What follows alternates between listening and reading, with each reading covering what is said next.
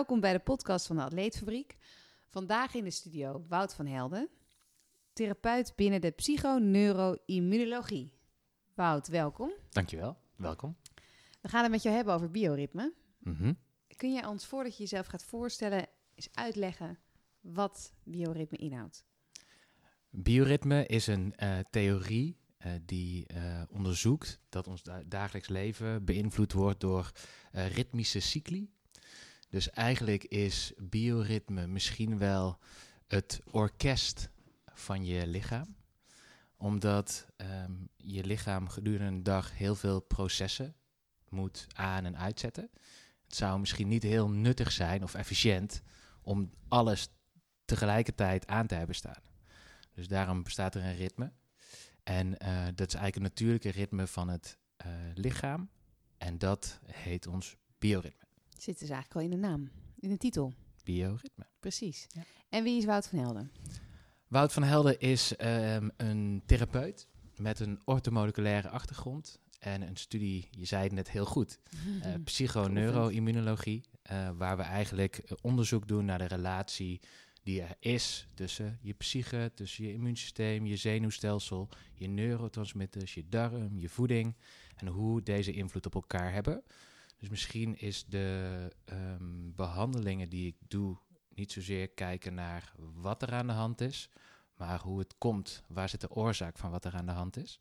En als je die oorzaak kan aanpakken, dan zie je dat op de lange termijn je gewoon veel gezondheid of klachten ehm, verbeteren. En bioritme is misschien wel de basis eh, van een goede gezondheid. Ja, durf je zelf zo te stellen. Durf ik.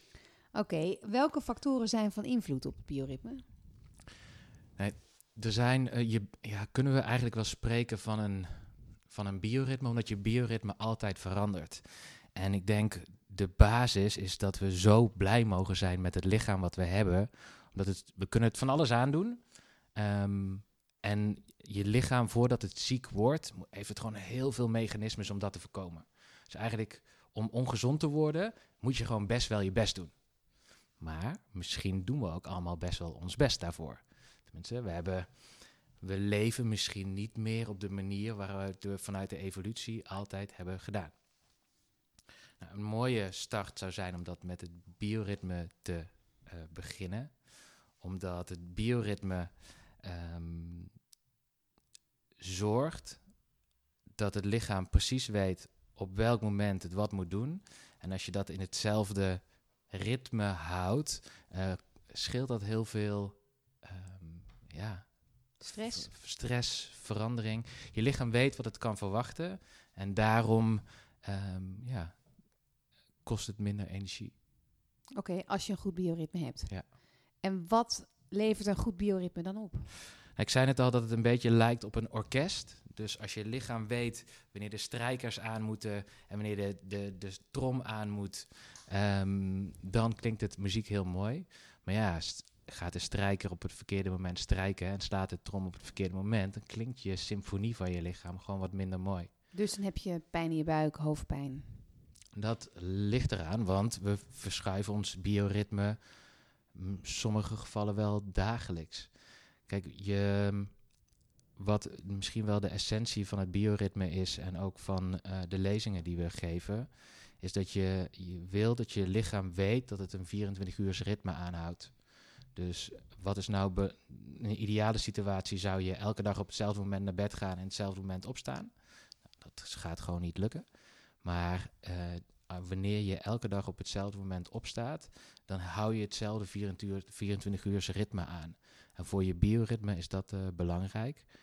En misschien om er wat dieper op in te gaan, ga je nou, sta je elke dag van de week om 7 uur op, maar ga je in het weekend lekker eh, stappen en sta je dan om 11 uur op, eigenlijk gebeurt er dan iets, dat, dat noemen we een social jet lag. Dan word je eigenlijk in een tijdzone vier uur verderop wakker. eh, waardoor je eigenlijk een, een mini-jetlagje krijgt om je lichaam weer... ehm, Te in- resetten. ja, weer gesynchroniseerd te krijgen met de plek waar je bent. En je vroeg net eh, welke ehm, dingen hebben invloed op het bioritme. Nou, er zijn een aantal dingen, Maar de drie belangrijkste factoren die invloed hebben op je bioritme zijn voeding, beweging en licht. En slaap niet. Nou, slaap is onderdeel van je bioritme. Dus kijk, in- een goed bioritme word je op tijd moe. Mhm. Maak je van, van tevoren ehm, dus het bioritme is onder invloed van twee hormonen. Allereerst cortisol, wat we kennen als het stresshormoon. Mhm. Dus in de ochtend, als je langzaam wakker moet worden, stijgt je cortisol. Dus eigenlijk heel grappig, worden we wakker, dus door een beetje stress. Mhm. Het heet een CAR, heb je geen alarm voor nodig. ligt er dus aan. Dus hoe als je ziet dat mensen, en dat is een, dat, daar kun je dus uitvragen, als mensen te veel stressen gedurende de dag, dan hebben ze geen stresspiek in de ochtend. En dat zijn dus de mensen die echt niet uit bed kunnen komen. Kan het zijn. Maar die CAR, dus in de, de CAR is een cortisol awakening response. Dus die cortisol die je wakker maakt. Maar dus dat betekent dat je cortisol waarschijnlijk in een gezonde situatie het hoogst is in de ochtend. Dus ja, als jij in de ochtend net wakker wordt en je checkt meteen je telefoon en je ziet dat je drie dingen in de ochtend af moet maken en je knalt er twee bakjes koffie in. Misschien is dat dan niet qua bioritme het juiste moment van de dag om dat te doen. Nee, maar die, die piek die bouwt zich af gedurende de dag. Ja. En het melatonine bouwt weer op. Ja. Klopt dat? Dus s'avonds uh, onder invloed van donker gaat de melatonine stijgen.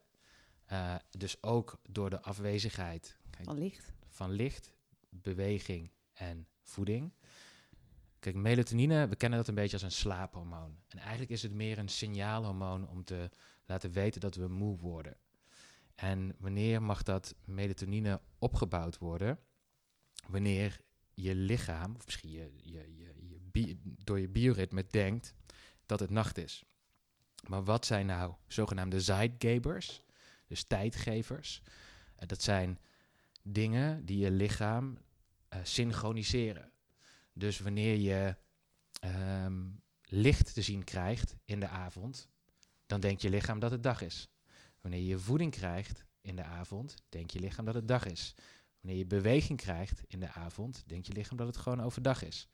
Dan wordt er dus de melatonine echt geblokkeerd en word je gewoon veel minder laat slaperig. Ja, en sterker nog, melatonine is dus signaalhormoon, maar gedurende de nacht is het het belangrijkste herstelhormoon. Dus hoe hoger je niveau van melatonine gedurende de nacht, hoe beter je kan herstellen. Ja, op zich wel helder als je het zo goed uitlegt. Dus het is licht, bewegen, voeding. Ja. Voor een goed bioritme. En dus, wat zijn de valkuilen? Sportlesjes, s'avonds van 10 tot 11. Iedereen snapt wel, dan kun je de komende twee uur ga je nog niet in slaap vallen. S'avonds even om 11 uur nog even een paar nootjes op de bank. Beïnvloedt dus de kwaliteit van je slaap. Misschien kun je wel in slaap vallen, maar goed, dat kun je ook wel na een fles wijn. En dat beïnvloedt dan uit de, dus je hebt de kwantiteit en de kwaliteit van slaap. Maar het allerbelangrijkste is gewoon licht. En uit het lichtspectrum vooral het blauwe licht. Blauwe licht werkt eigenlijk als een, het komt onze ogen in, wordt in ze, onze suprachmaticus nucleus gezien en gedacht, het is, het is overdag. En blauw licht, waar hebben we dat nou heel veel in? Schermen. Schermen, hmm. telefoon. Ja. Dus gelukkig he hebben we steeds meer een nachtstand. Ook op je laptop heb je F-Lux. Op je iPhone heb je een nachtstand. Je hebt een speciale bril tegenwoordig, geloof ik, voor overdag, bepaalde glazen. Ja, ik heb een beetje een lichte blauw lichtfilter uh, nu in mijn bril zitten. Uh, maar je hebt ook hele, ja, niet zo hele stoere, hele oranje brillen. En dat kan gewoon, ja. Maar dat is wel top, sorry dat je onderbreek, als je uit je ploegendienst naar huis rijdt en je gaat van de nacht de dag in, toch? Om met een zonnebril, op een speciale zonnebril dan naar huis te rijden. En eigenlijk, kijk, het maakt niet zoveel uit wat je bioritme is precies, maar het liefst wil je die zoveel mogelijk hetzelfde houden. Dus stel je voor dat je altijd, jij altijd van drie uur s'nachts tot drie uur s middags leeft. Dat dat jouw ritme is. Als jij dat gewoon dag in dag uit doet, um, zou, je dat, zou dat nog oké zijn. Maar vooral de wisselingen steeds in dat ritme, dat kost gewoon heel veel ja, moeite. Moeite. En dan een vraag daarover eigenlijk. Hoe kunnen we die biologische klok weer zinken? Wat is de eerste stap daarvoor? Dezelfde tijd wakker worden. Dus ook, Regelmaat. Ja, regel, rust, reinheid, regelmaat. Weet je, de, de, kijk, mijn als therapeut, wat ik vooral inzet, zijn basisinterventies. Een beetje goed slapen, een beetje goed bewegen, een beetje goed eten en een beetje niet te veel stressen. Dat kom je gewoon heel ver. Dus rust, reinheid, regelmaat en wat goede voeding, dat is de basis. Oké, en hoe zit het dan met, eh, met tijdzones? Hè? Je zegt in het weekend ik heb je die sociale jetlag. Maar ja, we reizen natuurlijk ook vaak. Of tenminste, we gaan vaak op vakantie of een weekendje weg. Eh, hoe zit het dan met reizen tussen die tijdzones? Ja, dat, nou ja, je, je hebt zelf wel eens een jetlag gehad, neem ik aan. Ja. Dat is niet echt lekker. Nee. Nee. dus het mooie van je lichaam is dat, eh, dat het zo'n krachtig systeem is dat hij je gewoon weer synchroniseert met die tijd daar. Maar ja, ga je veel reizen? Kijk, als je misschien twee dagen in New York bent, is het misschien handig om dezelfde tijd aan te houden als in Nederland. Omdat als je dan weer terugvliegt, je ongeveer nog in hetzelfde ritme zit. Maar ja, ga je daar uh, een maand naartoe, dan wil je misschien liever al hier um, op gaan bouwen, af gaan bouwen en meer toe gaan werken naar de tijd daar. Ja, en, maar, we zeiden net ook al, een afwezigheid van licht, beweging en voeding. Dus ja, je kunt ook tijdens zo'n vliegtuigreis even niet eten. En pas eten wanneer je daar je ontbijt zou hebben. Je kunt er je oranje zonnebril opzetten. En gewoon een dikke trui aan. Dat je zo min mogelijk licht ziet tijdens de reis. En vooral je licht zien daar in de ochtendgloren. Ligt een beetje aan welke kant je op gaat. Ja, afstemmen op de klok waar je naartoe gaat. Ja, en, want je lichaam, je lichaam verwacht beweging overdag. Dus als jij daar gaat bewegen, gaat sporten. Als je ergens moet synchroniseren, is dat hulpvol. Ja, ik snap het. Hey, en Um, even een hele korte vraag. Is er nog een verschil tussen man en vrouw? In bioritme? Nee. Ja, dus geen eigenlijk, opmerkelijk verschil? Nee, geen opmerkelijk verschil. En eigenlijk iedereen heeft dus een beetje zijn eigen bioritme. En dat verandert dus ook de hele tijd. En wat ik denk dat vooral de kracht is, is te leren weten wat je eigen bioritme is. Ik, ik weet van mezelf, oké, okay, want dan hebben we de, de theorieën van de early birds en de night owls. Uh, en die early birds zijn de mensen die dus graag vroeg opstaan, vroeg productief zijn, graag vroeg in bed liggen. En de night owls zijn de mensen die komen pas laat uit bed en die zijn wat productiever aan het einde van de middag, begin, begin van de avond. Dus dat bestaat wel. Want ik heb ook wel eens gehoord dat dat een beetje een fabeltje is. Ja, maar het is meer een product van onze tijd. Want um, kijk, dus ben jij met bioritme, die kan gewoon verschuiven. Kijk, nachtdiensten verschuiven je bioritme bijvoorbeeld heel erg. Maar ik weet van mezelf dat ik een vroege vogel ben. Als ik ochtends wakker word, eigenlijk de eerste twee, drie uur kan ik mijn beste werk doen. Dus ik moet, als ik goed wil uh, kunnen presteren, moet ik daar mijn tijd op inplannen. Dus ik moet de eerste twee, drie uur van de dag, dan moet ik mijn beste werk doen, dan iets anders gaan doen en in de middag minder uh, belangrijke taken. Dus dan kan ik wat meer ru rustig werken. En, en dat moet je van jezelf weten. Maar we zien dat als we mensen weer terugnemen um, in de natuur, dus vanuit de psychoneuroimmunologie, hebben we een hele evolutionaire hoed op. Dus wat hebben we tijdens de evolutie jaren, duizenden jaren lang gedaan en wat doen we daarvan nu niet meer? Dus we zien als we mensen weer mee gaan terugnemen in de natuur, en er is een studie geweest waar ze dat met drie, vijf of zeven dagen hebben gedaan. En als je dus mensen weer vijf dagen mee gaat nemen de natuur in, zonder telefoons en schermen, dan zie je dat night owls en early birds eigenlijk niet bestaan, maar dat iedereen weer gewoon gaat leven met de zon. Dus die night owls en die early birds is meer het product van deze tijd, waardoor het dus nog wel bestaat. Mm -hmm. en, ja. en je daar in ieder geval mee kunt leren werken. Ja, ja ik snap wat je zegt. Hey, en um, dan toch nog de vraag, welke rol spelen de hersenen bij zo'n bioritme? Moeilijke vraag. Of heel veel antwoorden misschien. Ja, dus wat, welke invloed spelen de hersenen? Kijk, je, je hebt in je hersenen natuurlijk een aantal neurotransmitters die uh, de, je slaap kunnen beïnvloeden. Je kunt je voorstellen dat als jij, uh, en hoeveel mensen doen dat wel niet, s'avonds nog even net voor je naar bed gaat, heel even je telefoon opengooit en toch even dat belangrijke project wat morgen in één keer vervroegd is ziet, dat je natuurlijk allemaal stress krijgt en, en dat van invloed is op, uh, ja, dan lig je nog even een paar, um, een paar uur te malen. En vooral die neurotransmitterbalans zorgt dat je gewoon goed je rust kan vinden. Dus um, misschien beïnvloedt het bioritme eerder je neurocommunicatie mm -hmm. dan andersom. Ja, oké, okay, snap ik. Um, van je darmen wordt ook wel gezegd dat je dat die het tweede brein zijn eigenlijk. Kun je uitleggen wat je daarmee bedoelt? Absoluut. Kijk, je, je darmen zijn zo'n poort naar je gezondheid, omdat eigenlijk vanaf je mond tot aan je kont, we denken dat dat onze binnenkant is, maar dat is eigenlijk onze buitenkant. Want er komt natuurlijk voor, via onze mond van alles binnen. Gaat uh, door je spijsvertering, komt in je darm. En je darm zorgt ervoor dat de buiten blijft. Wat buiten moet blijven en binnen blijft wat binnen moet komen. En nu is er helaas, lijkt wel een soort epidemie van darmklachten. En we noemen dat ons tweede brein, omdat in die darmwand, het is zo'n mooi systeem. Als je het uitrekt, die darm, heb je een soort voetbalveld. Maar het is dus één celletje dik. Dus als je een haar uit je hoofd trekt en je pakt daar een kwart van, dan zo dik is je darmwand. En die hebben daar zitten celletjes in die direct een verbinding hebben met je hersenen. Eerst dachten we dat onze hersenen onze darmen zouden beïnvloeden. Maar nu weten we dat als we ongeveer 10 pakketjes hebben, dat er één pakketje gaat van je, dar van je hoofd, van je brein naar je darmen, en negen van je brein naar je hoofd. Dus wat je eet, dat wordt gevoeld in je darm en dat wordt doorgegeven aan je hersenen. 80% van je hersencommunicatie, je neurotransmitters, wordt gemaakt in je darm.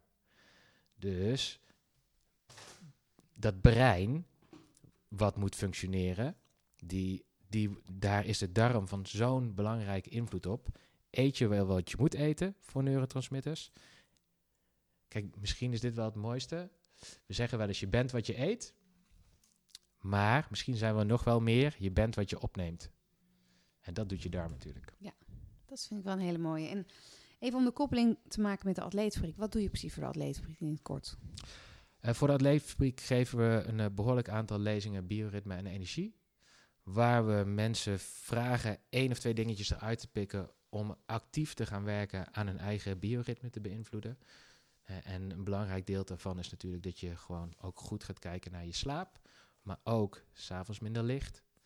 S'avonds niet te laat eten, s'avonds niet te laat bewegen. En het leuke is dat je nu ook heel veel Fitbits en het wordt steeds vaker gemeten. En daarom kun je echt gewoon zelf gaan meten. Als ik iets doe. Kijk, het belangrijkste is als je aan je gezondheid wil werken, dat je aan de slag gaat. En je, je gaat gewoon iets proberen. Je kunt het tegenwoordig heel goed meten. En als je al die kleine stapjes die je steeds doet, dus aanpassingen in je gezondheid hoeven geen hele grote. Ik ga nu alleen nog maar gezond eten. Dat hoeft dus niet.